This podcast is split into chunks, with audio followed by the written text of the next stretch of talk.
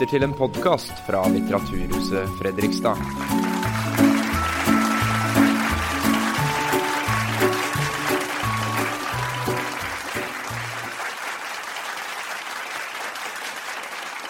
Er det mye folk. Och en cykel. Ja, i tilfelle du bare har lyst til å stikke av gårde etterpå. Det går helt fint, det, altså. Velkommen. Det er veldig hyggelig at det er så mange her, selv om det gjør at nervene mine bare blir 500 ganger verre. Eh, utrolig kult å bli spurt om å gjøre det her med Jason. Boka di er fantastisk. Tack. Så bare høre hvor mange er som har lest boka som er her nå. Ja, ok, da skal jeg prøve å ikke bli for eh, intern. Den kom ut idag. Så det Ja, men ja. Men, men hej. Det er jo lydbok, da. Ja. Jag hoppas fler ska bli sugna på att läsa den. Ja. Jeg kjenner flere som er her, som har eh, hørt på lydboka, som Ja, du har lest inn. Ja. Eh, jeg eh, var litt kjapp med å si ja til å komme hit, for jeg er hjemme med en liten baby. Og det glemte jeg. Jeg Just glemte det. jeg hadde en bok. Så jeg har ikke lest boka di, men jeg har hørt på stemmen din i ti og en halv time. Du har hört boken, det, det räknas. Det, det gjør jo det. Det gör det absolut. Men før vi gjør noe mer, bare en sånn liten Hæ? Men- Jason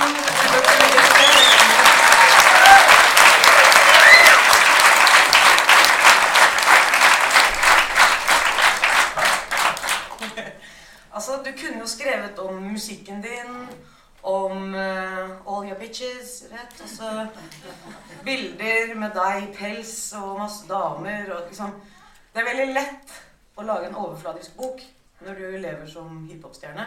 Mm.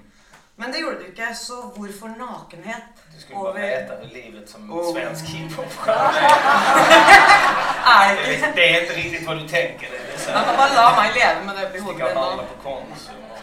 Och cykla runt på en inte ens så fin cykel. Kur foran med noen bitches. Altså, altså, hvorfor valgte du å gå for nakenhet istedenfor overfladiskhet? Jag vet inte, alltså det, det var liksom... Den här boken valde snarare mig än att jag valde den. Ehm, Det, det, det kom sig så att jag hade precis skrivit manuset till en, ett radioprogram. I Sverige har vi något som heter Sommar i P1. Som är så att man pratar i ungefär en och en halv timme i radio. Så jag hade skrivit mitt manus, jag skulle göra det för andra gången. Och så hade jag precis lärt känna en, en, en man som bodde i mitt område som var journalist och författare. Så jag tänkte att jag skickar manuset till honom och ser om jag kan få lite pointers. Mailade manuset till honom. Han bara, det var bra, jag skickar tillbaka det med lite synpunkter. Och då fick jag en, en, en liksom, min första känsla av hur det sen skulle vara att jobba med boken. För att då var det överkryssat och pilar, flytta upp det här. Och här är du för sentimental och vad är det här för pretentiösa ord? Och sådär. Och så sa han, och detta stycket här är frö till en bok. Och det var ett stycke om min farfar och farmor. Så tänkte jag, åh fan, här kan det vara så. Och det var Mustafa Jan som jag skickade bok, eller manuset till. Så att sen ett halvår senare eh, så satt jag och drack kaffe med min pappa på ett café i Malmö. Och då berättade han, han är ingen så här jättebra anekdotberättare. Det är inte riktigt jag heller. Liksom. Eh, sådär, vissa människor har det berättandets gåva och kan berätta liksom, berättelser på ett väldigt underhållande sätt. Det är inte riktigt så i vår familj. Därför for det många sånger bokade i. Ja, jo, det är det absolut. Jag är mer en sån som behöver sitta och tänka och fundera länge och sen kanske skriva ner berättelserna. Hur som helst, han berättade en berättelse som var jättespännande om när han skulle köra bil från Harlem i New York till Harlem i Georgia 1965 och eh, blev stoppad av polisen i South Carolina och trodde han skulle bli lynchad och sov över en natt i ett träd. Eh, han stack upp i trädet för att gömma sig. Inte, han blev inte hängd i trädet. Det var det han, var, var det han gömde sig för, så att säga. Eh, och det tänker jag på när jag ser mina skor här, för han berättade att han hade köpt ett par, han hade ett par väldigt dyra brittiska skor. Eh, de kostade 50 dollar, vilket hans pappa tyckte var helt galet. Spendera 50 dollar på ett par skor. Så han förbarmade sig, eller han liksom förbannade sig när han satt där och sov. Eh, eller skulle spendera natten i ett träd i sina svindyra skor. De hade liksom inte, de hade inte räddat honom undan eh, 60-talets rasism i South Carolina. Men så jag kom hem så tänkte jag att den här berättelsen var så extremt spännande så jag skrev ner den från början till slut som jag mindes det. Och så mejlade jag den till Mustafa och sa att jag tror jag har börjat på min bok. Så sa han, det tror jag också, nu behöver du bara skriva lite till. Ja, för det är inte, Och det är så- inte en sån tynn liten AIB-bok. Liksom, Ja. Ja, men så, så, så började det liksom. Och då kom det sig att jag hade, jag hade, jag var precis i början av en skilsmässa. Jag, jag hade kreativt helt torr på idéer att skriva låtar om. Det var januari i Stockholm, det var grått och kallt. Och, depression bare falt over. Livet var liksom Ja. inte, du vet. Eh, Der vi er nå, januar. Ja, exakt, exakt. Men nu är jag färdig. Så är det liksom, nej, men, men, ehm, så det var en bra tid. Jag, jag började liksom, ett, ett, all min energi riktade jag in i, i min laptop och skrev. Eh, och började intervjua min pappa och skriva och skriva ner berättelser jag kom ihåg och, och sådär. Um, och då blev det detta som jag var mest, alltså detta är ändå eh, frågan om min hudfärg och vem jag är i världen, i, alltså hur jag blev mottagen i världen och, och hur det liksom korrelerar till min hudfärg har är någonting som jag har varit inte besatt av. Under, år, under vissa år var jag besatt av det men, men det är någonting som följer med mig varje dag. Liksom. Eh, och har gjort sedan jag var ja, men fem, sex år gammal. Eh, så att det var, detta var den berättelsen som var viktigast för mig att berätta. Men du hadde jo ikke behøvd å være så personlig med dine ting. Du kunne jo bare fortalt historiene til forfedrene dine, Mm. og så hadde det vært underholdning. Men så Ja. kommer du inn og Det hade inte min redaktör tillåtit. Alltså jag försökte in i det längsta inte skriva om eh, mina första år i skolan för jag tyckte det var för jobbigt. Eh, men han tjatade på mig i ett års tid. Du måste skriva det, du måste skriva det. Så till slut gjorde jag det. Ja, og det skal vi sånn kjempe komme tilbake til. Ja, Fordi ja, Du ja. har vokst opp i Lund. Lund er samme type by som Fredrikstad. Like mange innbyggere. Så ja, litt sånn bokbading i Lund etterpå. Men eh, jeg tenkte du må jo få lest litt. Mm. Og skal vi se Kan vi ta Vi har jo bak her bare! Fordi det er den norske boka, kan du ikke omlese. Og det er der jeg har markert. Så ja, det blir inget bra om jag ska läsa på norska för det det. hadde vært veldig gøy, da. Det det. Ja, Kanskje du må gjøre det etterpå. Skavlan gånger fyra liksom. Jeg vet da, Hvis det her skal være Skavlan, så må jeg ta et par sånne her.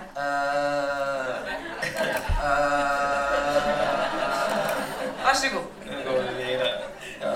Men eh, första delen här då. Ja. Så det här är helt rätt i, i början av boken. Under hela min uppväxt i Lund sökte jag ett svar. En entydig sammanhängande bild av vem jag var. Jag önskade mig en vit hudfärg, ett folk, ett ursprung, en kollektiv berättelse och en historia. Ett hemland. Var skulle jag börja leta? Mitt identitetsbygge blev ett lapptäcke, en mosaik av udda skärvor och bitar som jag minutiöst försökt foga samman till en Jason Michael Bozak-diakité. Jag var aldrig amerikan, aldrig svensk, aldrig vit men heller aldrig svart. Jag var ingenmanslandet i världen.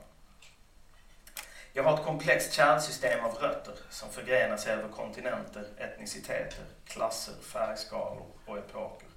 Jag är Jason, son till den svarte Madabuko Diakité och den vita Elaine Bozak. Jag är alla de länder mina förfäder kom ifrån och skeppades till i kedjor. Jag är alla de färger och nyanser deras hud hade. Jag är deras vrede och längtan, deras vedermödor, framgångar och deras drömmar. Jag är en korsning av Slovakien, Tyskland, Frankrike, Afrika, South Carolina. Av vit, svart och cherokee. Jag är mötet mellan Bozak, Schneidmüller, Hauser, Privat, Robinson, Davis och Miller. Summan av mammas slavisk-tyska rötter och pappas afrikanska ursprung stöpt i en folkhemssvensk miljö. Måste jag ha ett hem? Måste jag ha ett ursprung? Är det för att underlätta för eller rent av blidka omvärlden? För att göra det enklare för dem att etikera mig, mäta mig och placera mig, hänga in och döma mig? Är det därför jag plågat mig så länge med dessa frågor om identitet? För att kunna ge den som frågar var jag kommer ifrån ett enkelt svar? Kanske. Människan har behov av tydliga svar. Tydliga gränser mellan gott och ont.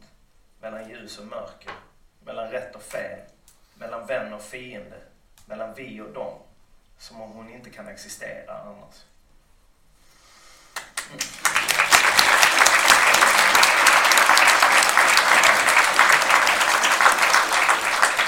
Veldig bra. Altså, jeg heter jo Hajan. Ja.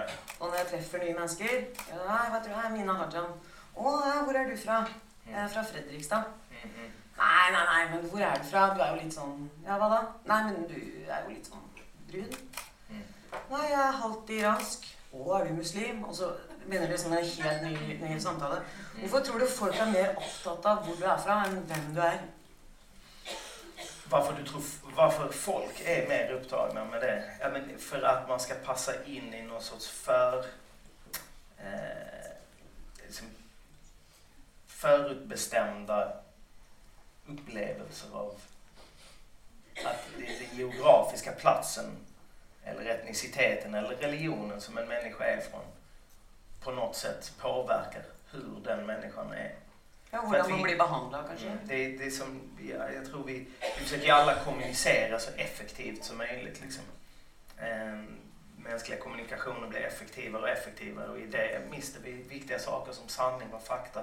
Det ser vi i politik i dagens värld till exempel. Men, men, ehm, och där blir ju de här liksom, att ha någon sorts fördomar rent ut sagt om Ja, ja hon är muslim. Ja, ja men okej, då hamnar, hon hamnar i muslimfacket. Kan vara ett problem. Frågetecken i rött liksom. Eh, det, alltså, det går väldigt snabbt i människors hjärnor. Alltså, det går väldigt, väldigt kvickt. Eh, för att detta är också någonting som sker reflexmässigt. Och det är därför det är så väldigt, väldigt svårt att ändra kulturella attityder och sociala attityder. Men så jag tror bara det är ett sätt att, att, för oss att enklare Alltså i ett möte mellan två främlingar så vill jag ju bara veta eh, Vill du mig väl eller vill du mig illa?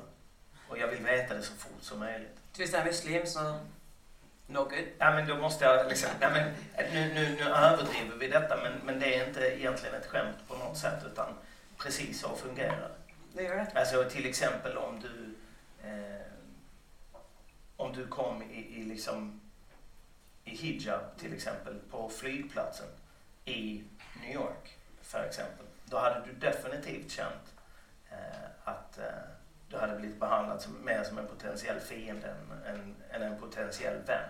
Men, men det är en, nu kommer vi in på ett helt annat spår. Liksom. Men, men jag tror det är därför folk är upptagna med Mm. till exempel den frågan, var kommer du från egentligen? Ja, fordi jeg leste at eh, da du var åtte-ni år, så begynte du å stille deg sjøl det spørsmålet 'Hva er jeg?' Ikke 'Hvem er jeg?' Nej. Og, Ja, men det var för att jag liksom, jag blev ganska snabbt från jag började skolan väldigt varse om att min hudfärg var ett problem. Jag gick i en skola där i princip alla eleverna var vita. De såg likadana ut och hade samma kultur och samma traditioner och firade jul och midsommar på samma sätt. Liksom. Jag gjorde inte det. Ehm, men samtidigt, jag såg inte ut som min mamma, jag såg inte ut som min pappa heller. Så jag förstod aldrig vem av dem jag mest liksom hörde ihop med. Och det var viktigt för dig att liksom veta hvem av dem du var nærmest til? Ja, Det, ett tag, det kändes inte som någon av dem var mina föräldrar. Liksom. Alltså som att jag var, jag var aldrig svart nog för liksom, att se ut som min pappa och de som var runt honom eller vit nog för att se ut som de, min mammas man och min syster.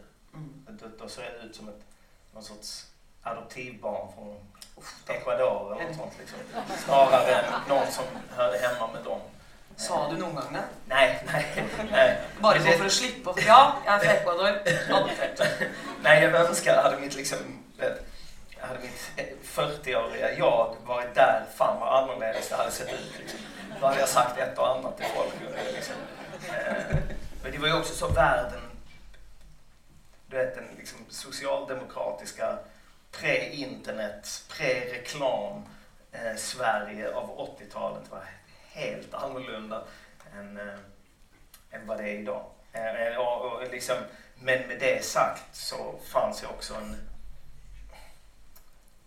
Vad man kunde säga och inte kunde säga. Eh, folk var inte lika vakna inför fördomar och rasismens problematik och den, liksom, kanske den aningslösa rasismen som är väldigt svår att sätta fingret på för någon som aldrig har blivit utsatt för den. Ehm, och så så att man, det hände ju oftare. Liksom. Det kunde hända av familjemedlemmar och grannar. Och, Vakter på utesteder. ja, jo, men det är ju mer den explicita, direkta rasismen. Den är ofta ganska, jag ska inte säga lätt att bemöta, men den är i varje fall, du kan bemöta den. Den är här. Ja. Men den som är som en ånga liksom, som du inte kan ta på, den är väldigt svår att, Mm. att, att förändra och diskutera. Ja, som du säger, Lund på 80-talet och så Fredrikstad på 80-talet. Jag husker det gick rykter om att det var en svart man i Fredrikstad. Ja, ja, ja. Och där drog folk till byn för att se på honom. Och så kom ja, ja. Så då slapp de att dra över brua. Liksom... min pappa berättar samma sak eh, när han var i Lund på 60-talet. Folk ibland ville komma upp och känna på hans hår och så vidare. Men det, men det är ju, och det är ju liksom, eh, det är ju inte illa ment från personen Nej, som gör det. Det gör det värre, syns jag. Ja, alltså det är bara att man, alla måste på något sätt vara med på vad det är som händer i ett sånt här ögonblick. För den som har det konstiga håret som ska bli känd på och den som känner det. Den ena är bara nyfiken. Den andra är bara trött liksom. Ja. Ja. Eh, och sen så måste man på något sätt mäta sig det att okej, du är ingen ond människa men så här har mitt liv varit. Och det här får mig att känna mig bla bla bla. Men den diskussionen apropå genvägar i kommunikation, så det har vi inte tid med. Nej, jag kan ju inte förklara varje eneste. Så det är liksom... Nej, exakt. Det är ju liksom... Min bok handlar mycket om mina föräldrar och framförallt om min pappa. Mm. Och där är ju liksom, det är ju den äldsta relationen jag har är till mina föräldrar. Och där är ju kommunikationen så snabb så att den är liksom... Det är väldigt mycket som inte ens sägs verbalt. Mm. Utan små, små saker triggar lång, jättedjupt intränade reflexer både hos mig och min far. Det är väl han och jag som har en historia av att ha brakat mest. Liksom. Ni vet väl hur ni kan trycka på knappen till varandra? Som fan. Så det händer, det händer hela tiden. Liksom. Men, men, men med det sagt skulle jag bara säga att det, det, jag inser ju hur det är väldigt svårt. Jag försöker träna bort mitt reflexmässiga gensvar på när jag tycker min pappa är, eh, är liksom är lej, som ni säger på norska, mot mig. Eh, och då är mitt gensvar oftast att hugga tillbaka med något hårt verbalt, liksom, vilket alltid ger mig dåligt samvete. Så det försöker jag träna bort, men det är väldigt, väldigt svårt. Det är det jag inser.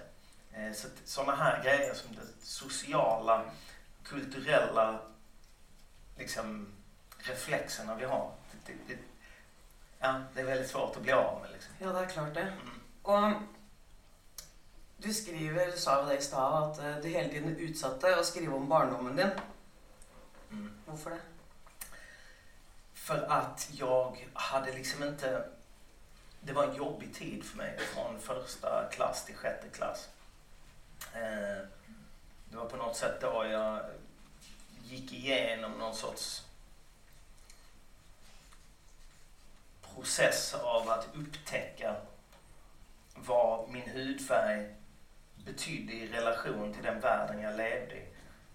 Som gjorde att jag liksom, det sådde frön av självförakt i mig som jag inte hade haft innan. Jag gick från ganska extrovert och öppen, glad kille till väldigt blyg, inåtvänd, rädd, orolig kille. Liksom. Men Var det noe sånn tidspunkt som du husker som det var da første gangen du opplevde rasisme? Eller det var da du mista selvfortroende og Nej, men alltså... Nej, alltså det ska jag inte ens... Alltså typiskt författarsvar hade ju såklart att vara, ja, ja, självklart. Var det 13 juni 1984. Men hvordan var en dag på skolen Ordet for var deg, da? blått. Himlen var grå. Nej, men, men, men liksom, eh, nej, jag ska inte, nej, det, det minns jag inte. Men jag kan tänka mig att det var en, eh, barn lär sig väldigt fort. Jag kan tänka mig att det gick väldigt, väldigt snabbt. Eh, men jag kommer ihåg att i första klass var det inte så mycket problem, men i andra klass började jag verkligen, eh, då, då, då började jag se det här gänget på tre killar liksom, som mitt problem i min värld. Liksom. Och när man går i skolan då vet man ju inte att eh, även fast 12 år känns som en evighet som aldrig slutar. Liksom. så eh, kommer ju själva större delen av livet händer ju efter man har gått ut grundskolan. Men där och då så var det hela min värld, så att säga, skolan. Och den världen var för jävlig. Hur var en typisk dag då?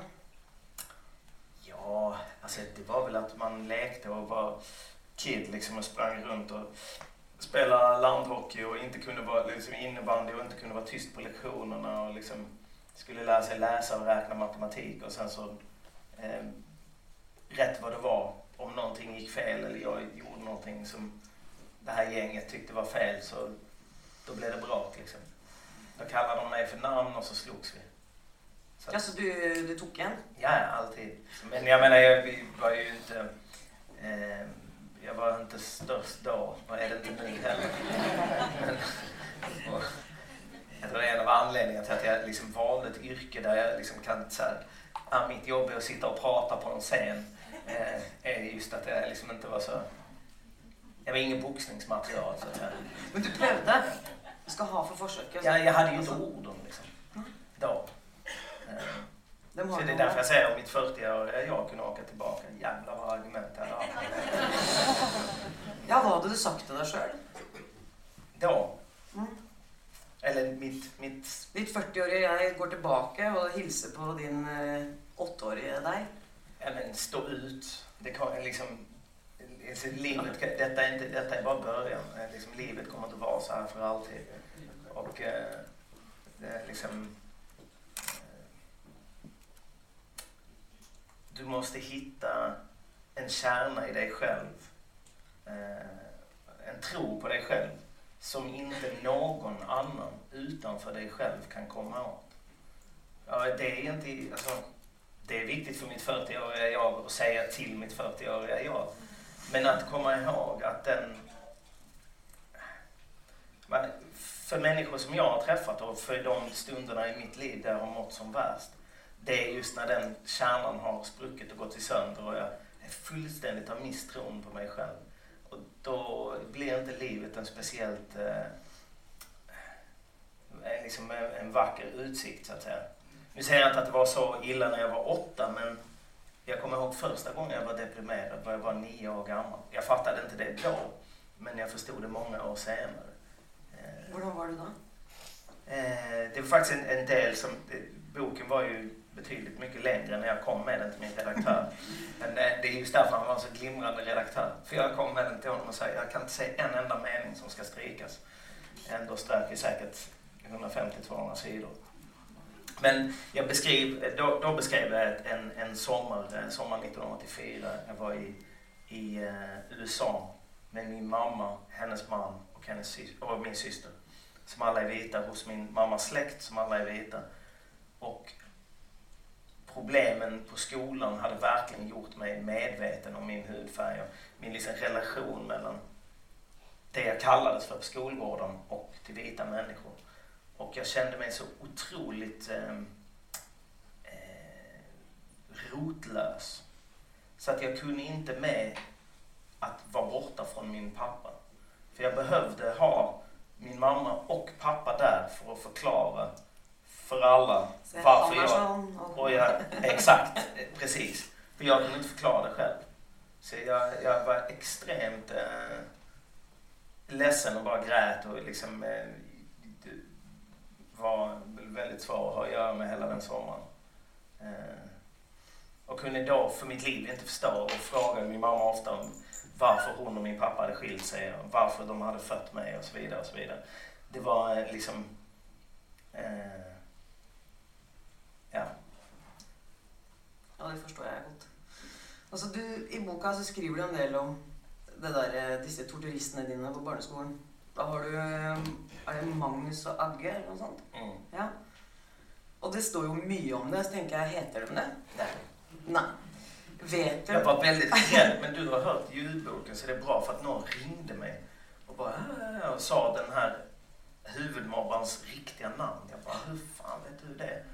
Ja, men jag hörde på ljudboken. Jag bara, nej, har jag glömt att... Eh, har jag glömt det nu? Alltså, jag kan bli stämd alltså. Men, äh, ja.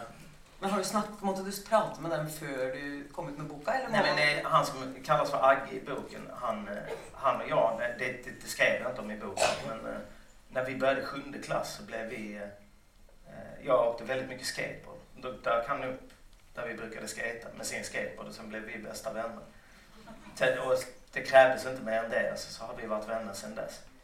Eh, så när jag gjorde det här sommarpratet då som jag skrev manuset till visade för Mustafa, då berättade jag om den berättelsen. Att det krävdes då inte mer än en skateboard. Liksom.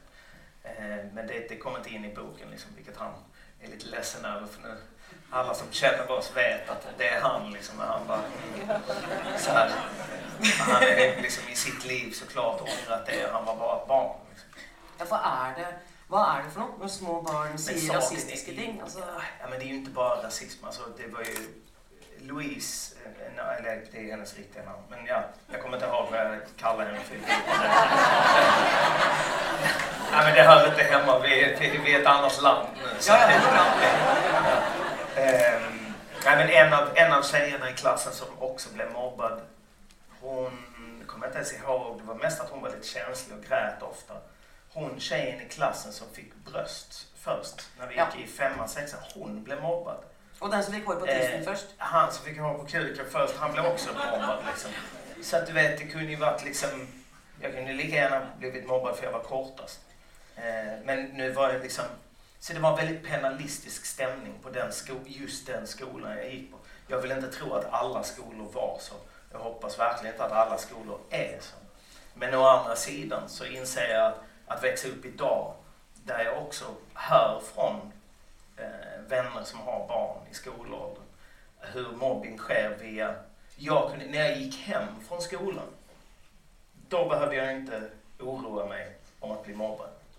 Men nu för tiden sker mobbing på Instagram och, och, och, och liksom olika sociala medier. Då kan ju mobbingen ske även när du är hemma. Det, det, alltså...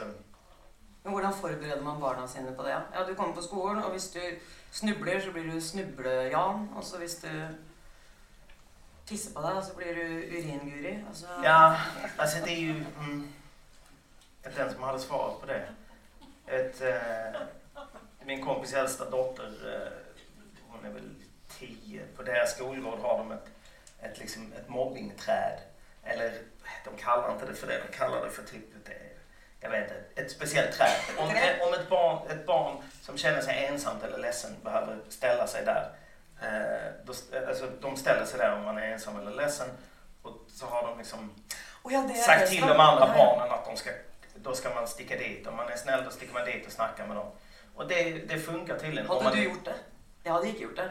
Gå till träd och säga alla vara alene. Kids är också, man är också upptagen med att vara en av de coola. Men jag var aldrig det. Så att jag, det var, mitt loppet var redan kört för mig under hela skolgången. Liksom.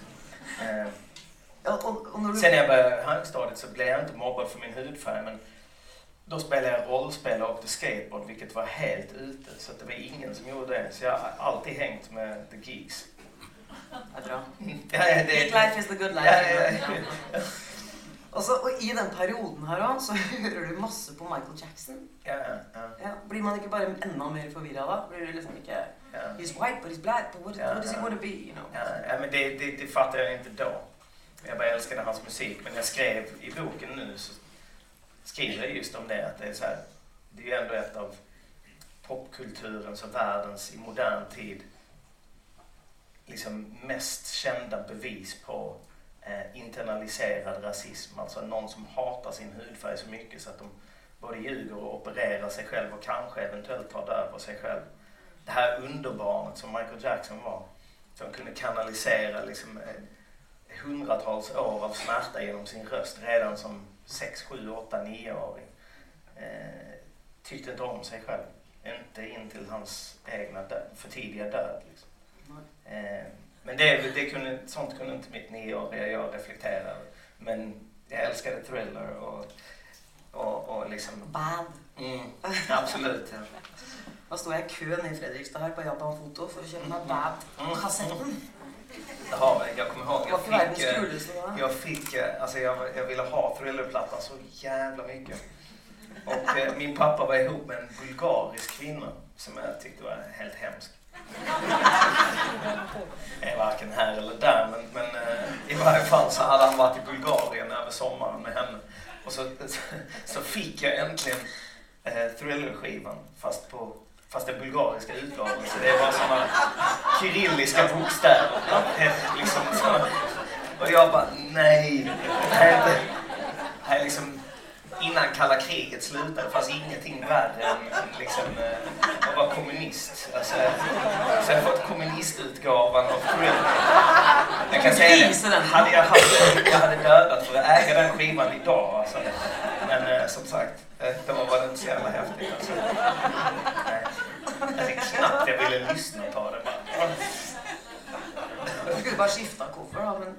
Ja, Altså, det boka handler mest om, syns i hvert fall jeg, det er identitet, og så er det faren din.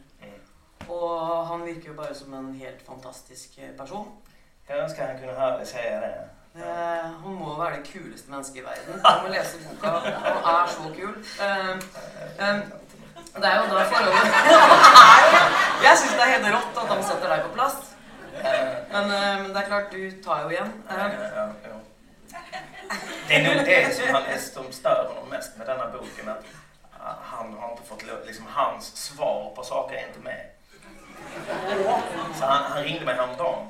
Så jag håller på att läsa din bok, jag är nästan klar. Så sa jag, men eh, Om jag ska göra en lång, en lång historia kort. Så när, jag, när jag först hade gjort färdigt rammanuset i juli förra året så eh, ringde jag min mamma och pappa och sa att nu finns det en rammanus på den här boken som jag har hållit på att skriva som ni vet i, i nästan två år som ni inte har frågat mig någonting om. Men nu finns det. Och så, så hörde jag ingenting från dem på tre veckor. Och så blev jag mer och mer irriterad så en dag sa min flickvän bara ring till dem och säg att det är viktigt för dig att de läser det. Så ringde jag.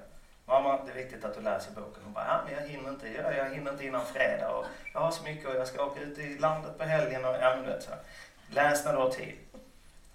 Och min pappa bara, jaha, är det verkligen så viktigt? Varför är det så viktigt? Jag bara, men vad tror du? Liksom? Kan du bara läsa boken? Okej, okej.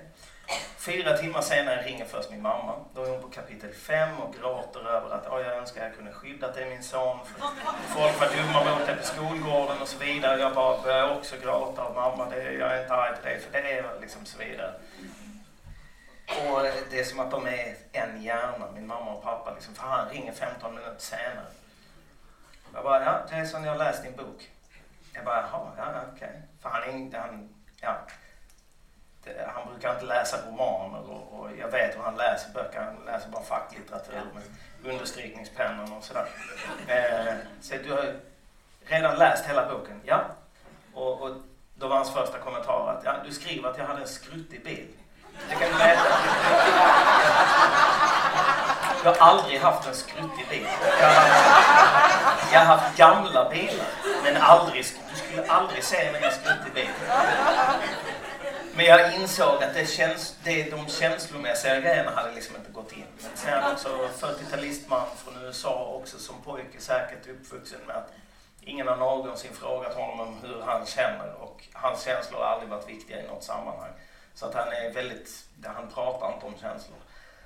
Um, men han, lä- han ringde mig i varje fall häromdagen och sa att jag har nästan läst färdigt din bok. Så jag, men du har ju läst den eh, två gånger förut. För sen tvinga hans fru honom att läsa den igen innan den gavs ut så han verkligen skulle förstå vad som skrev i Nu läser han den alltså en tredje gång. Och då har jag ändå fått många så här Excel-dokument med hans kommentarer. Och så sa han så här, ja det finns flera saker som vi ska diskutera när vi ses nästa gång. Och jag bara, herregud. Liksom. Ja, Har du forberedt et forsvar? Hva, hva tror du han kommer å si? Ja, men det, det är sådana detaljer vi är nere på nu tror jag. Men nu, nu är det liksom för sent att ändra någonting. Men, men det är ju det att han, han liksom... Han har också hotat med att han ska skriva en bok. Han har, skal jeg lese nå. han har skrivit två böcker innan liksom, men, men jag har alltid sagt till honom att han borde skriva en bok om sina upplevelser som svart man i Sverige på 60-talet och 70-talet. Men det har han inte gjort. Och det sa jag också till honom. Ja, då hann jag före. Någon var tvungen att göra det. Liksom.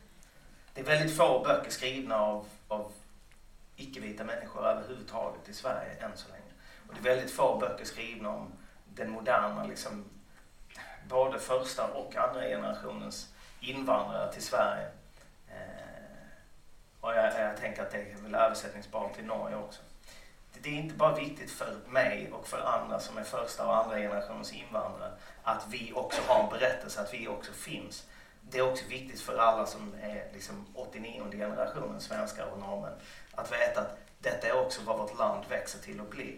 Eh, det var en sak jag hade med mig i, i jobbet med boken. Att det finns något, alltså för mig var det ju främst något viktigt för mig personligen att få skriva ner de här känslorna. Men det fanns också en sån flygande fågel av liksom så här, det här kan också vara viktigt för, för andra så att säga. Mm. Ja, det är klart det. Det är också många som har pratat om det. Mm. Men eh, för några år sedan mm. så blev du filmad på en do där du driver och snortar kokain. Så som alla oss andra gör. Varje gång vi går ut. Uh, och jag bara tänker på med hänsyn till faren som är så sträng, you know, is how you look, you have to look sharp, och du måste utdanna sig och allt måste liksom vara, man måste jobba extra hårt för att man har en, en svart upprinnelse eller, och vad sa han då, lurer jag på? Ja, det var ju en sån, som till exempel kapitlet om min barndom var det som var smärtsammast för mig att skriva om, men som var skönast att ha skrivit om och få ge ut. Eh, att skriva om den incidenten eh, eh var inte smärtsamt för mig att skriva om, men väldigt smärtsamt att ge ut. Det är givetvis någonting jag helst skulle suddat ut i min liksom... Eh, där har jag liksom... När jag tittar på vad min farfar har uppoffrat, vad min pappa har uppoffrat och min mamma och min morfar. Jag är liksom den mest privilegierade människan att födas i min pappas familj någonsin. Eh, på grund av att jag föddes i Sverige. Eh, och att jag sen då går och så att säga eh, beter mig så ansvarslöst och liksom... Är inte det life? Alltså... Det är olika hur man ser på life liksom. Men vad det, vad det i varje fall är i min familj är att det är inte ett värdigt beteende för en människa liksom. Så det är ju helt Ja, för fan, den flyter jo totalt. Ja, det, nå er livet over. Du kan bara drita i hiphopen. Mm. Nå kan du börja studera. Vad var det? Ekonomisk eh, politik? Ja, men det är alltså så som, så som diskussionen om, eller den typen, så som visdom från min pappa har kommit till mig är att lära mig så mycket som möjligt om hur jag ska göra för att överleva i världen med min hudfärg. Det är också därför det har liksom betytt så mycket. Och då sa han, hans, eh, andra gången han hade läst boken innan den kom ut, så sa han fortfarande att du borde inte skriva det där om dragarna. Jag här, men det spelar väl ingen roll, det har stått i svenska tidningar och så vidare. Så, påminn inte folk om det, för de kommer aldrig förlåta dig för det. Eh, och, det går an till att du är inte en av dem. Alltså du är en gäst liksom. Eh, Hur får det att följa då? Det var därför det kom med i boken. Liksom, att, eh, för att, just för att det går emot så mycket av vad, vad min farfar som kom från, som föddes liksom Eh, till ett liv utstakat som analfabet och utan skor på South Carolinas bomullsfält under Jim Crow. Eh, men lyckades ta sig därifrån.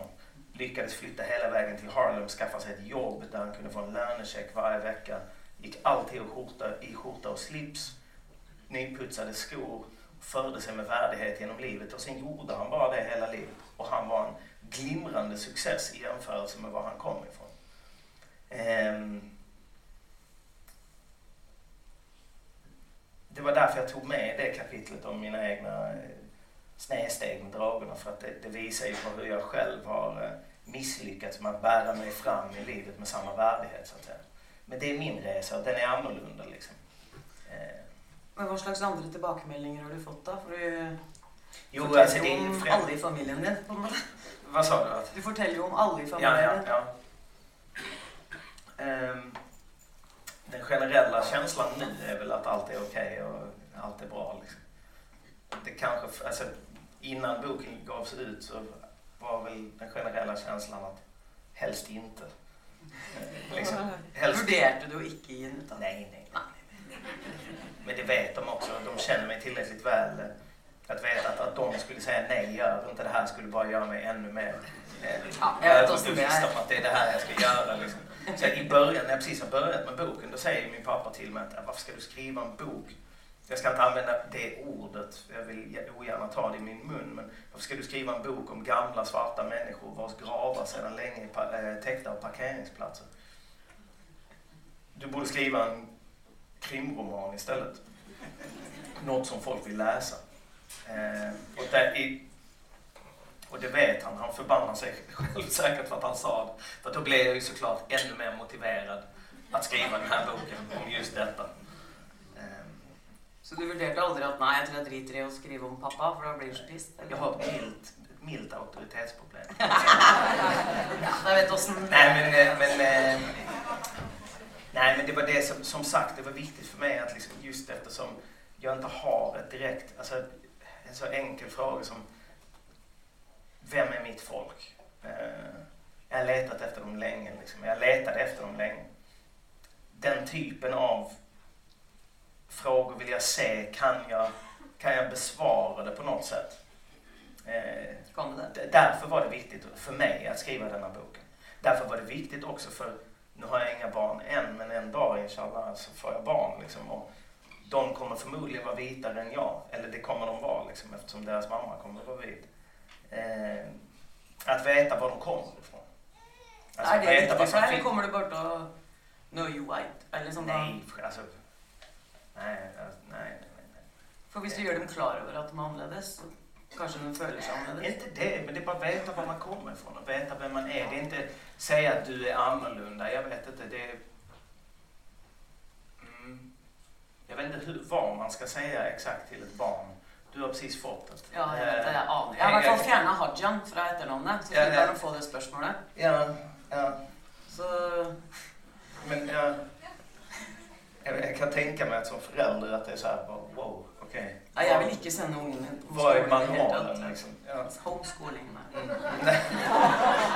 Det, var, det är bara så här, eh, vad heter det, ex, alltså, kristna högern i USA som homeschoolar sina barn. Ja, Lär dem att vi må gjøre det, vi òg. dinosaurier fanns inte, Jesus var första liksom.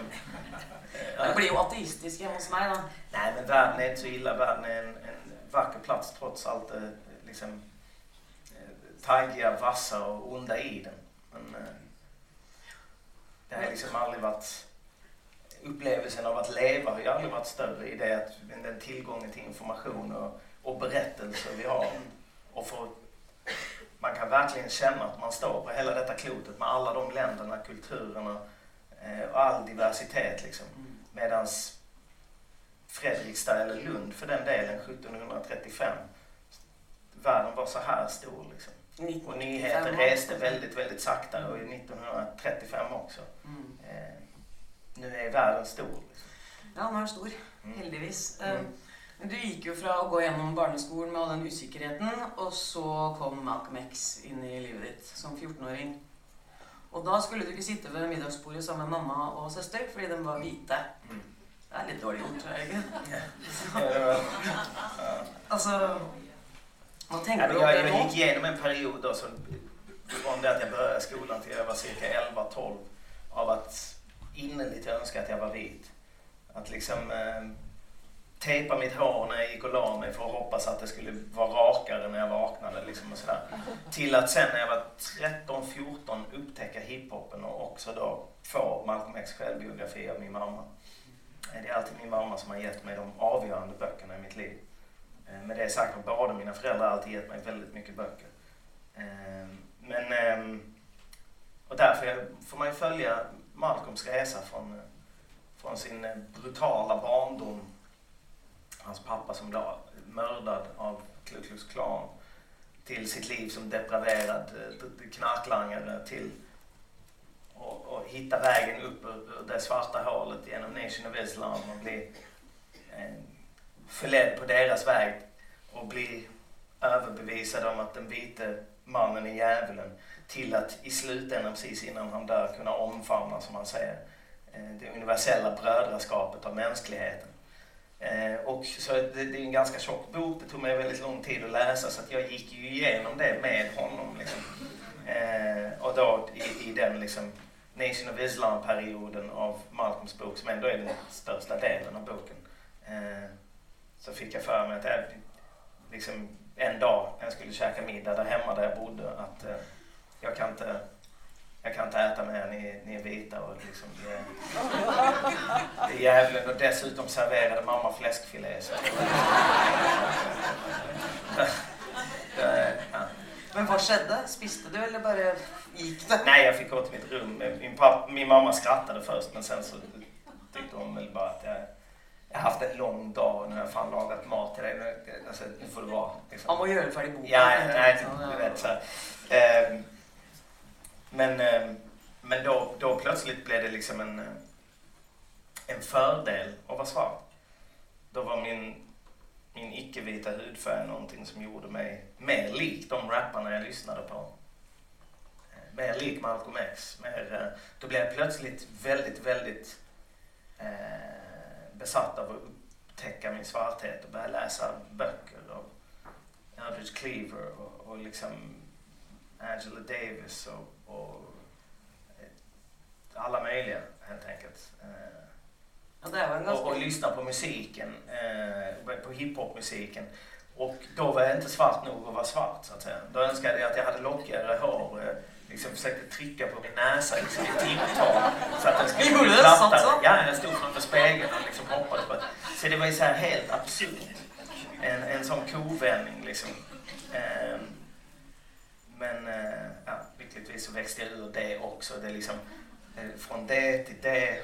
Och sen så började det sakteligen liksom balanseras ut lite mer.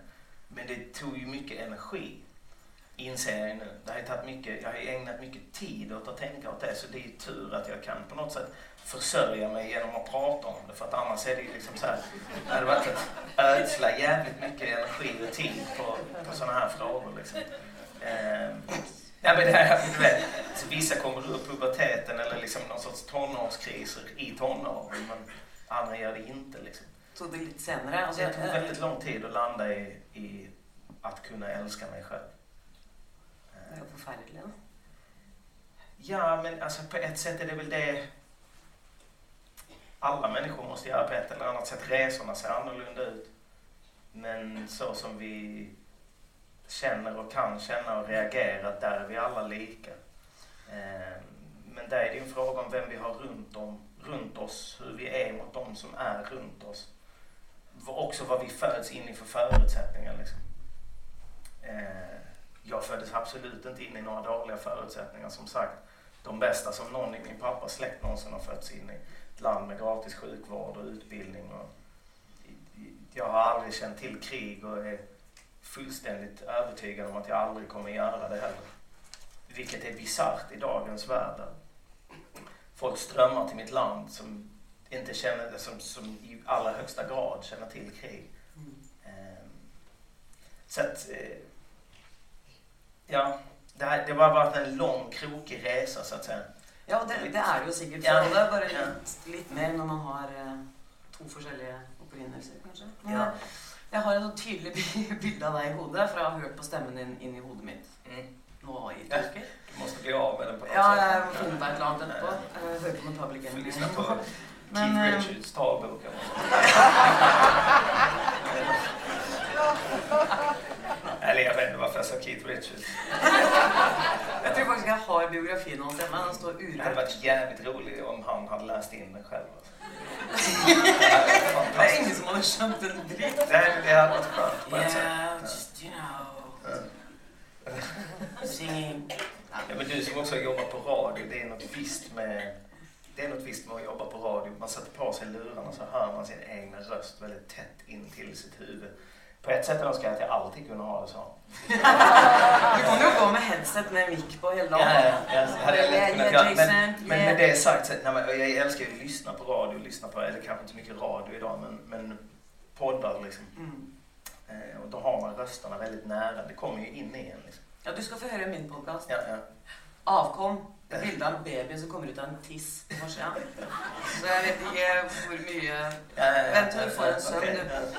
Men eh, du, da du var 19 år, så har du beskrevet deg sjøl ganske så tydelig. Seggebukser, hettegenser Ja, det var vel da du var i den perioden der. Men du hadde også veldig mye problemer.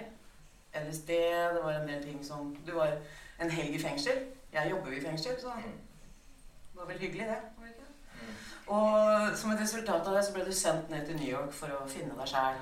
Ja, eller för att jag skulle ta det lite lugnt. Ja. Ta det litt lugnt. Det gjorde du kanskje ikke. Jo, det gjorde jag faktiskt. Ja. Alltså, det, jag var verkligen på glid där. Men det är på grund av många orsaker. Det var 1994, min styvpappa hade precis dött i cancer. Eh, vår familj slogs i spillror och liksom jag försökte finna mig själv och liksom gjorde inte så väldigt gott jobb med det. Hade faktiskt på grund av att jag sökte mig till folk som såg ut som mig hamnat med mycket människor som också var rotlösa, hemlösa eh, och fyllda av självförakt och eh, höll på med både musik men också kriminalitet och en massa skit liksom. Så jag försökte mig på det livet ett litet tag, det gick inget bra. Eh, så jag skickades till New York för att bo. Ja, där är du lite sån cocky, lite så hey I'm a rapper. Ja, alltså inte riktigt. Jag kommer dit så. Du, du kommer men dit. ganska snabbt så insåg jag att det inte var liksom den här identiteten jag hade byggt upp kring mig själv som den här hiphopstjärnan i Lilla Lund. när, jag kom till, eh, när jag kom till New York där hiphop kommer ifrån så insåg jag att det inte var... Men det var, alltså min, eh, jag har en stora syster hon fixade jobb till mig på ett kontor och där jobbade jag som receptionist och fick liksom gå upp klockan sex varje morgon och jobba 8-10 timmar om dagen, 6 dagar i veckan och tjäna 150 dollar i veckan och var liksom... Eh, ja, det blev ordning på mig. Eh, av att få lite rutin och eh, liksom... Du vet, livet har en tendens av att göra dig ödmjuk. Eh, även om du inte tror att du kommer behöva vara det. Och det var, det var en sån... En period av just det liksom. Så att jag... jag eh, jag hade fortfarande den här drömmen om att jag skulle bli rapstjärna. Men hamna i en studio i The Bronx hos några producenter. Akil eller. Akil, precis. Och, eh, eh, och han säger, "Men du rappare, okej rappa. Och jag frös. Jag, jag vågade inte liksom. Jag var så rädd att jag skulle göra bort mig. Istället så, eh, istället så gjorde jag ju bort mig ännu mer genom att inte våga prestera så där och då. Så han blev väldigt såhär, ah, I got time for you liksom. Ja, för du vill gärna ha en bit och så vill du ha lite tid att skriva. Mm. Så, ja. Så jag fick en bit, jag fick lite tid att skriva, han var snäll. Och så kom jag tillbaka en vecka senare, eller två veckor senare.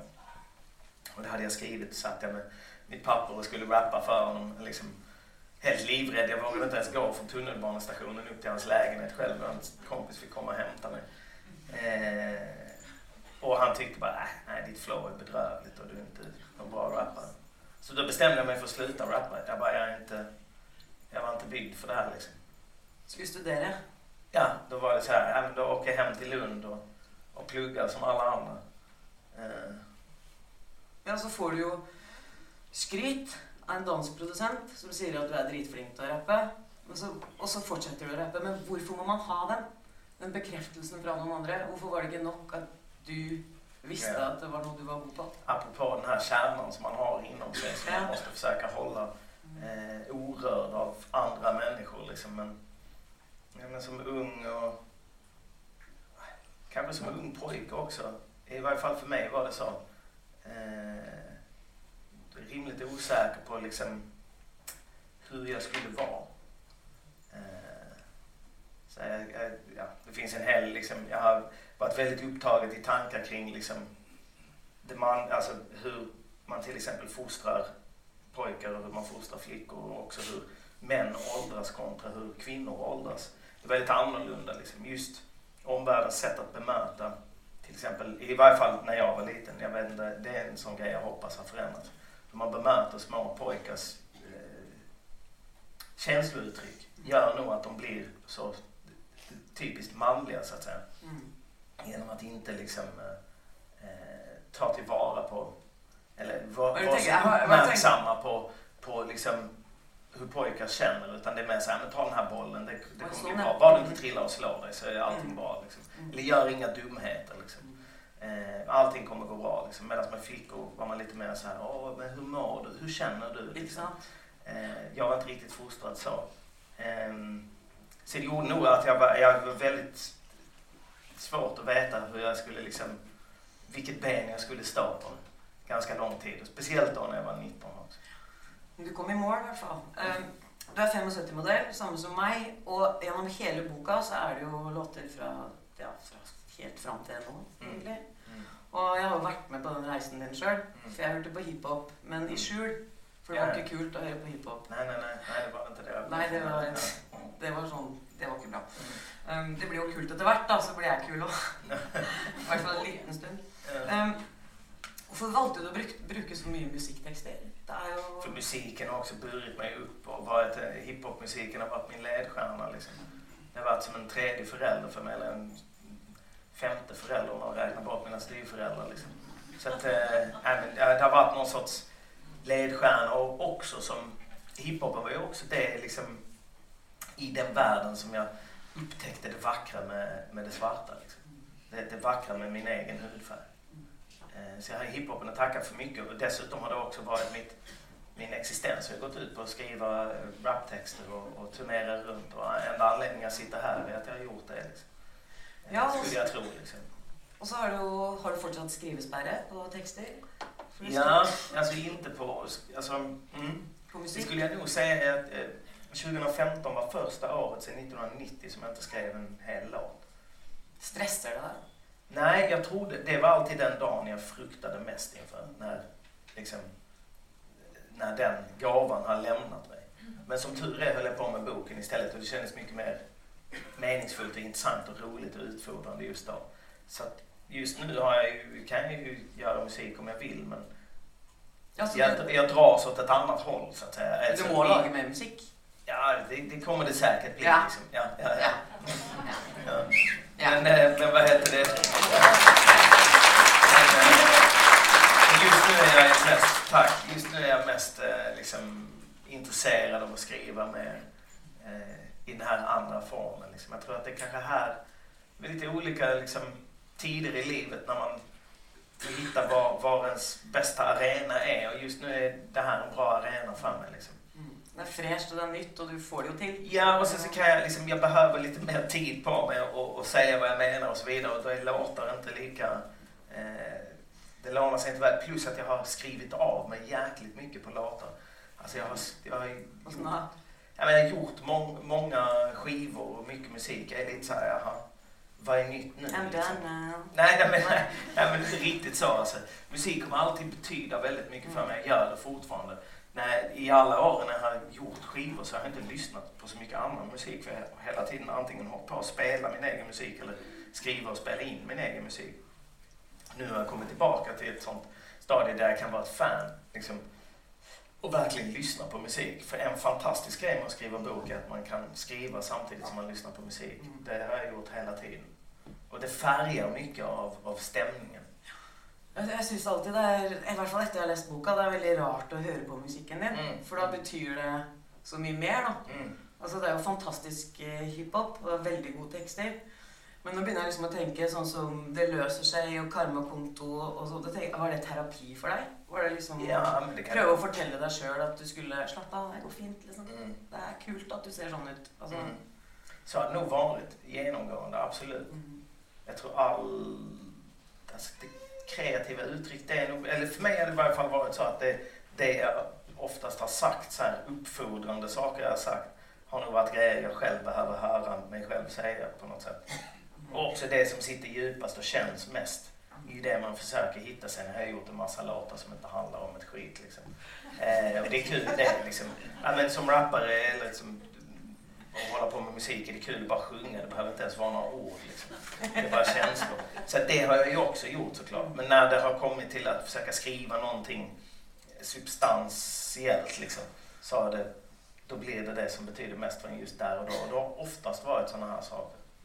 Jag vill höra en hiphop-låt om Farne. Ja, ja. Ja. Jag vet inte om han vill, men... Ja, ja men det driter väl vi Ja, ja visst. Men det, det, det intressanta där är att det här är den första kreativa saken jag har gjort som mina föräldrar verkligen kan förstå. Jag menar, hiphop för dem är lite så här, ja... Okej, okay. ja, ja, nej, men det är vad ni lyssnar på. Ja, det går lite fort och så vidare.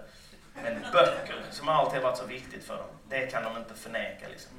Oj, nu har han skrivit en bok. Okej, okay, Det var nog därför de också blev så nervösa över liksom, hur detta skulle tas emot och så vidare. Men du, liksom, får det där, följer du att det, det ger dig mer cred hos familjen? Absolut. Jag, jag har nog känt en väldigt stor stolthet liksom, kring Astma Ja, nej, inte att de är så. Sådana är de inte. Men jag har nog mer känt så här bara, Han är inte liten Bara, eller? Lite så liksom. Ja.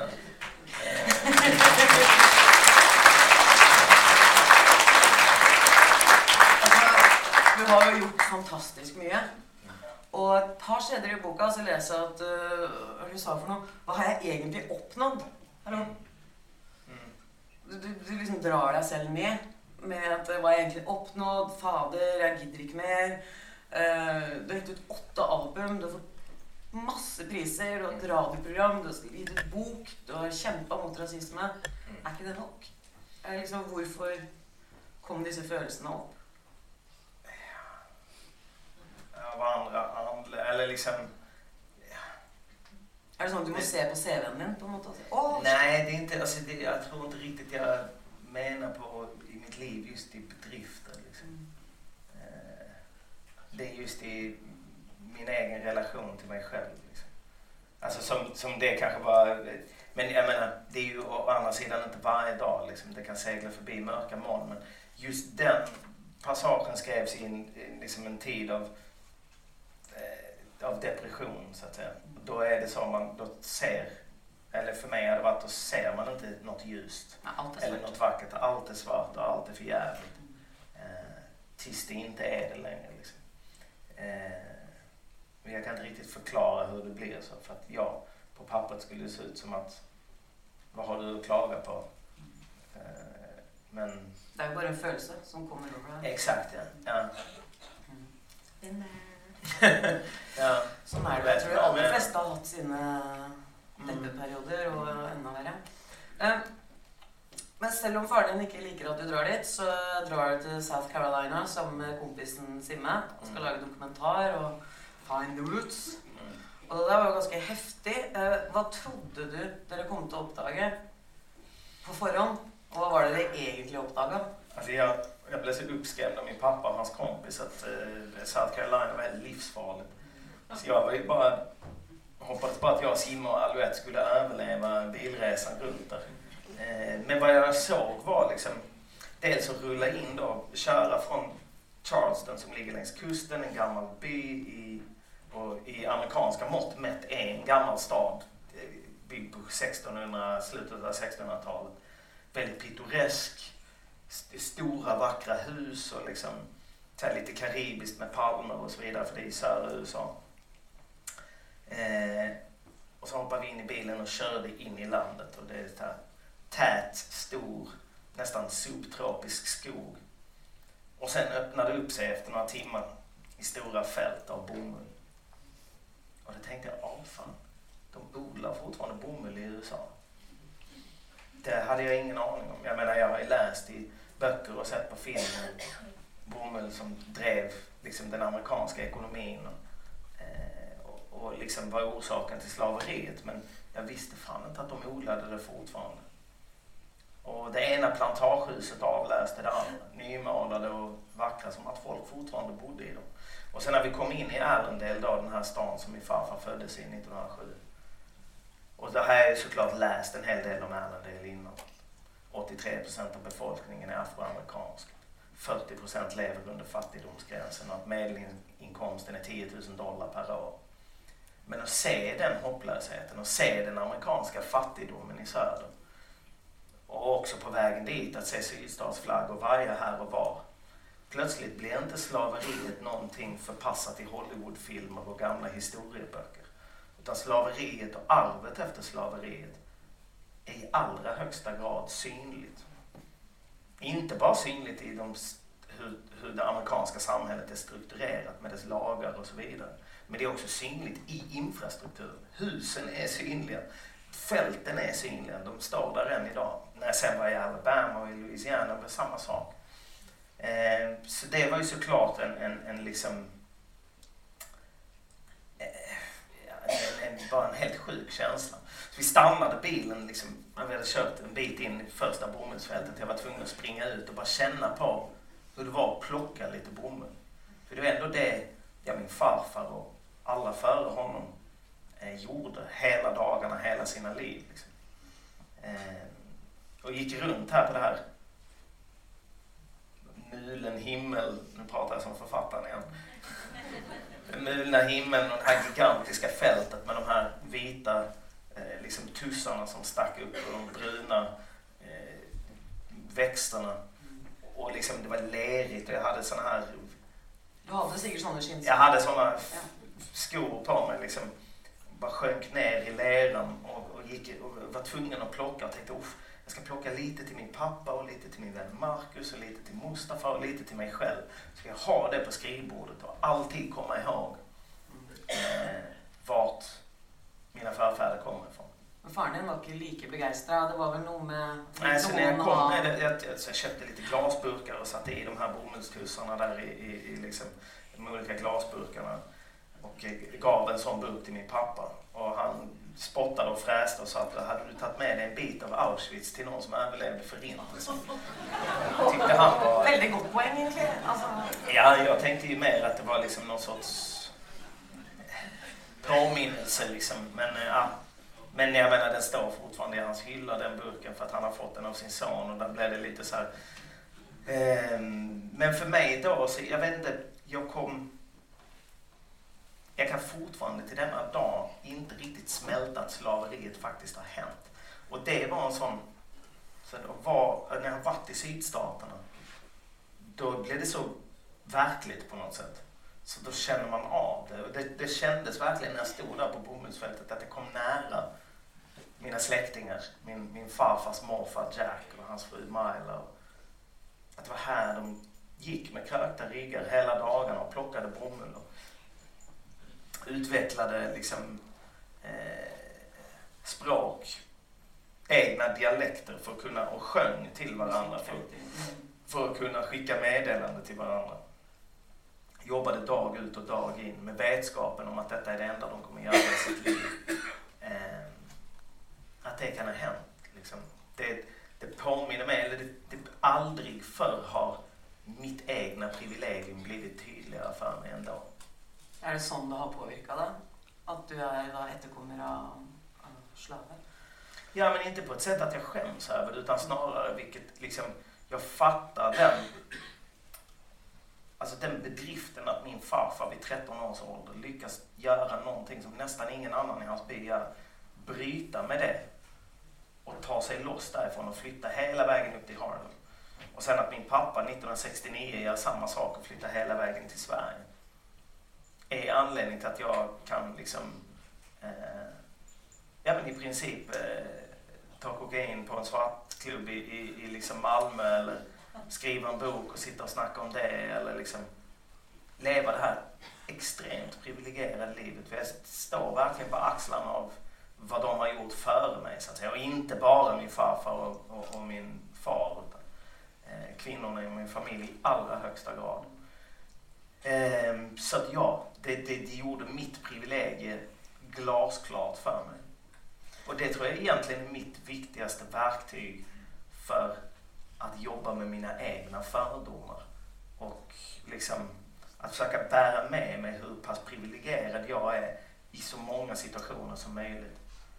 Jag tror alla kunde ha lite gott att sätta pris på vad man har. Ja, men också att se att alla är mer privilegierade än någon annan och se vem man är. Bara erkänna det för sig själv, vilka privilegier man har och vilka fördomar man har också. För att det, det är liksom att ändra kulturella attityder av den här magnituden och som är så gamla och som också är så synliga fysiskt i oss som hudfärg faktiskt är. Eller religion för den delen. Eh, eller kön för den delen.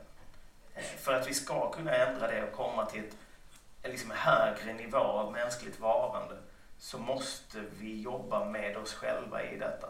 För att det sitter ju precis som mellan mig och min pappa när vi diskuterar, det sitter i reflexerna. Alltså är det väldigt svårt att bli av med. Ja, men noen ganger så må man jo bare få utløp også, uten at man må sitte og skrive noen hundre sider om det. Bare tenk på da du var på hva var det for noe, på et gravsted i Allendale, hvor du så slaveeiernes graver, og så hadde du lyst til å pisse på gravene deres. Gjorde du det? Nej, nej, självklart inte. Jo, Fikk du utløp på noen som helst måte? Fikk du liksom sagt 'fuckers'? Eller liksom jag fick skriva om det i boken. Ja Ja, ja, ja, Ja. eh, ja, jag, jag tror faktiskt inte... Jag, inser, jag insåg där liksom varför eh, sydstatsflaggan är så, eh, en så smärtsam symbol. Det hade jag inte riktigt tagit in tidigare. Liksom. Jag tänkte, nej. Men efter att ha varit i sydstaterna så fattar man. Då har det ju en mening, vem som hänger upp. Ja, det, det har de absolut. Det är just därför de hänger upp det. Flaggor är i, liksom, i yttersta grad symboler. Och vad den flaggan symboliserar är just det. Liksom. Ja, och apropos flagget, vi tänker, tänker på det amerikanska flagget. Mm, Imorgon är D-Day.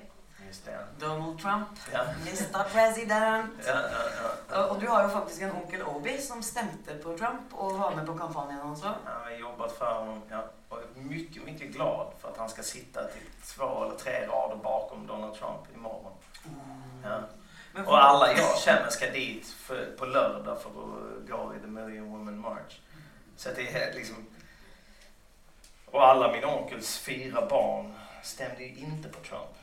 Men därför behöver inte jag heller tjata på min farbror så mycket. Det vet jag att hans barn gör. Ja, alltså, Men, har eh, gjort det färdigt. Ja, men det är helt sjukt. Han vill ju fortsätta jobba åt Donald Trump. Det är helt, för mig helt oförståeligt. Men Vad tänker du om han som president då? Alltså, on, say it. Ja, men det, det, det är ju liksom, det, nu har det tagits till en, det är kanske egentligen ett naturligt steg för, för världen av idag. Det är, det är teater. Nu har liksom presidentskapet också blivit en, en dokusåpa. Som är fruktansvärt, den hade varit jätteunderhållande om det bara inte var verkligt liksom. Eh, men, eh, men nej, det är liksom, jag vet inte, jag vet inte på vilka av vilka av 900 sätt det kommer gå åt helvete men, men liksom eh, det, det, det kan hända så mycket. Det ska bli väldigt spännande att se. Med det sagt så är det ju precis som att Donald Trump är ju tyvärr Eh, det liksom rasistiska demonbarnet av att Obama har suttit åtta år i, i Vita huset och att det väckte gamla djupt rotade känslor i en, ett litet segment av Amerika. Samma människor som när Obama föddes 1961 så var det alltså olagligt i 17 delstater, i alla sydstaterna var det olagligt för en eh, vit och en svart person att skaffa barn. Det innebär att när Obama föds så är hans födsel faktiskt ett lagbrott i mer än en tredjedel av USA. Och han ska nu sitta i Vita huset. Du kan själv tänka dig vad det har retat upp de vita männen och hur de ser att världen håller på att slippa dem genom fingrarna. Så nu försöker de med all, alla pengar de har och all kraft de förmår att se till att världen inte ska förändras. Och det menar jag är ett förlorande slag. Eh, det kan de aldrig lyckas med. Det, det, det, det, finns inga, det finns inte pengar i Stilla havet nog att, kunna se till det. Så precis som att Trump är en motreaktion till Obama så kommer det komma en väldigt vacker motreaktion till Trump. Sen om det blir när han blir avsatt om ett halvår eller om han lyckas hålla sig levande i fyra år, det vet jag inte. Men det kanske han blir Nej, men problemet är så här, det, nu när vi har Trump är det lika bra att vi har kvar Trump. För, som den pappfigur han är, för det hade varit mycket värre om eh, Mike Pence blev president. Så att, eh, Ja. Nu är det så här, USA har valt liksom. Och ibland, eh, eh det är lite som eh, kanske man skulle fråga en sexåring, eh, du får välja dina egna kläder idag. Och så, så får de liksom, ser de helt galna ut och så bara, ja, ska du gå ut och gå till skolan sådär? Ja, men så måste Ja. gå och hämta dem för Ja. de kommer sig till skolan. Eller de, det, det, det blir deras problem. Men, men, eh, men eh, lite så är det. Eller det någon som får liksom föreskriva sin egen medicin och jag vill ha den allra, allra värsta. Lite det har eh, USA gjort. Ja, och Obama prøver, han hadde jo sin siste pressekonferanse i går og får masse spørsmål om Trump. Know, ja. Liksom bare gå rundt det. Men det Obama hadde som beskjed til verden, var jo det at eh, nå blir det bedre mellom eh, folk. Mellom raser, mellom alt. Nå kommer, for de generasjonene som kommer nå, är mye mindre fordomsfulle. Det? Alltså det jag respekterar ytterst med Obama är hans liksom osvikliga förmåga att bibehålla sin värdighet och komposition i alla lägen. För det hade jag fan inte klarat. Alltså. Jag tyckte det var så slående att se den bilden när Donald Trump hade varit i Vita huset första gången. Donald Trump såg ut som den som orangehårade 12-åringen som han egentligen är. Liksom. Eh, som en förlägen liten skolpojke. Och Obama såg ut som någon som hade liksom kopplat, lyckats tänka bort alla nerver i ansiktet och bara var helt samlat stenansikte. liksom. Det är, men, men med det sagt, Obamas förmåga att möta den vita vrede som han har mött i så många olika skepnader i USA.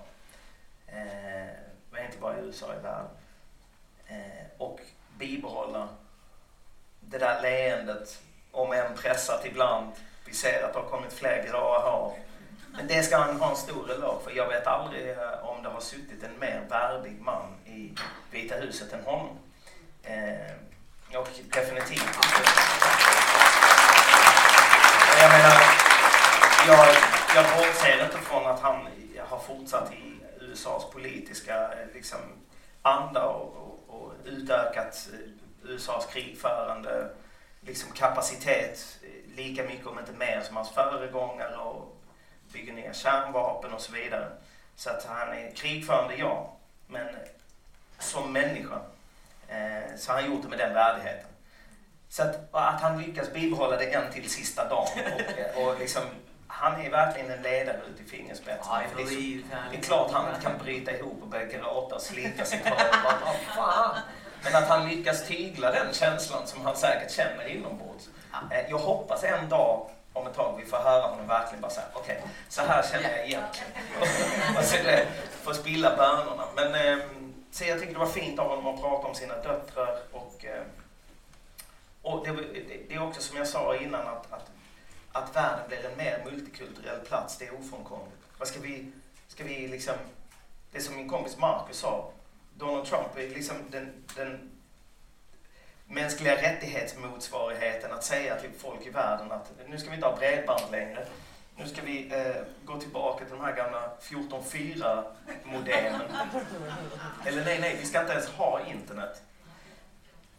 Det går inte att backa bandet liksom. Världen är en global plats, det är en multikulturell plats. Det är liksom, du kan inte bygga murar mellan länder. Det kommer aldrig att gå. Det är väldigt kul att se på. Att de prövar i alla fall. Ja, ja, ja men det, exakt så länge inte skadan blir för liksom, varaktig så är det tragikomiskt at best. Men, men eh, så jag, jag tycker det är fint att Obama liksom bibehåller någon sorts positiv optimism. Eh, för det måste vi verkligen ha kvar. Med det sagt ska vi, eh, eh, inse inser man att tiden att vara tyst och sitta hemma och inte gå ut och engagera sig i någonting, den är verkligen förbi. Och inte bara titta i förskräckelse över Atlanten och tänka åh vad galna de är i det landet. Men framförallt i våra egna länder. Det är val i det här landet om, om, eh, om lite mer än ett halvår och det är val i mitt land om ungefär två år. Eh, och vi får de politikerna vi själva liksom, det är vi som ger dem jobben, mm. så att säga. Och så klagar vi och det, men det är inte heller bara deras ansvar att, att uh, göra våra liv bra. Det ansvaret vilar ytterst på oss själva. Och i det så ingår det mycket mer än bara hur mycket pengar jag har i min ficka. Det måste också vara viktigt hur mycket pengar du har i din ficka eller hur, hur du mår så att säga.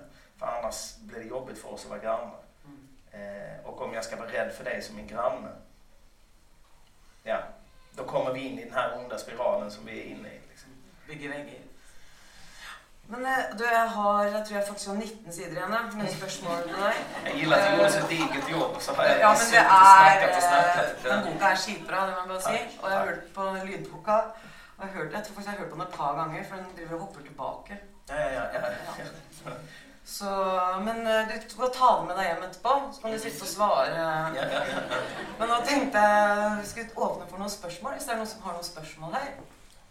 Opp med puselanken. Du kan låne noen av dem her. Så er det noen vi har fått en, en lång Jag är så himla imponerad av det där. Jag tänkte, hur många sidor har vi kommit Ja, vi, är, nej, vi, är på, vi är på en, två, tre, fyra, fem. Vi är på sju nu. Ja, men fint. Ja, ja. Ja, ja. ja. Dere, vi, har, vi har hatt en lang og god samtale, så jeg tror vi skal tillate bare ett spørsmål. For Jason skal også rekke å signere, og han vil være her ute hvis noen øh, Så hvis noen har salens aller beste spørsmål, så kan dere få stille det nå. Det trenger ikke å være så veldig godt, altså. Vi skal på nachspiel til biskopen her. Vet dere hva? Da foreslår jeg En god applaus. Ja, jag har fått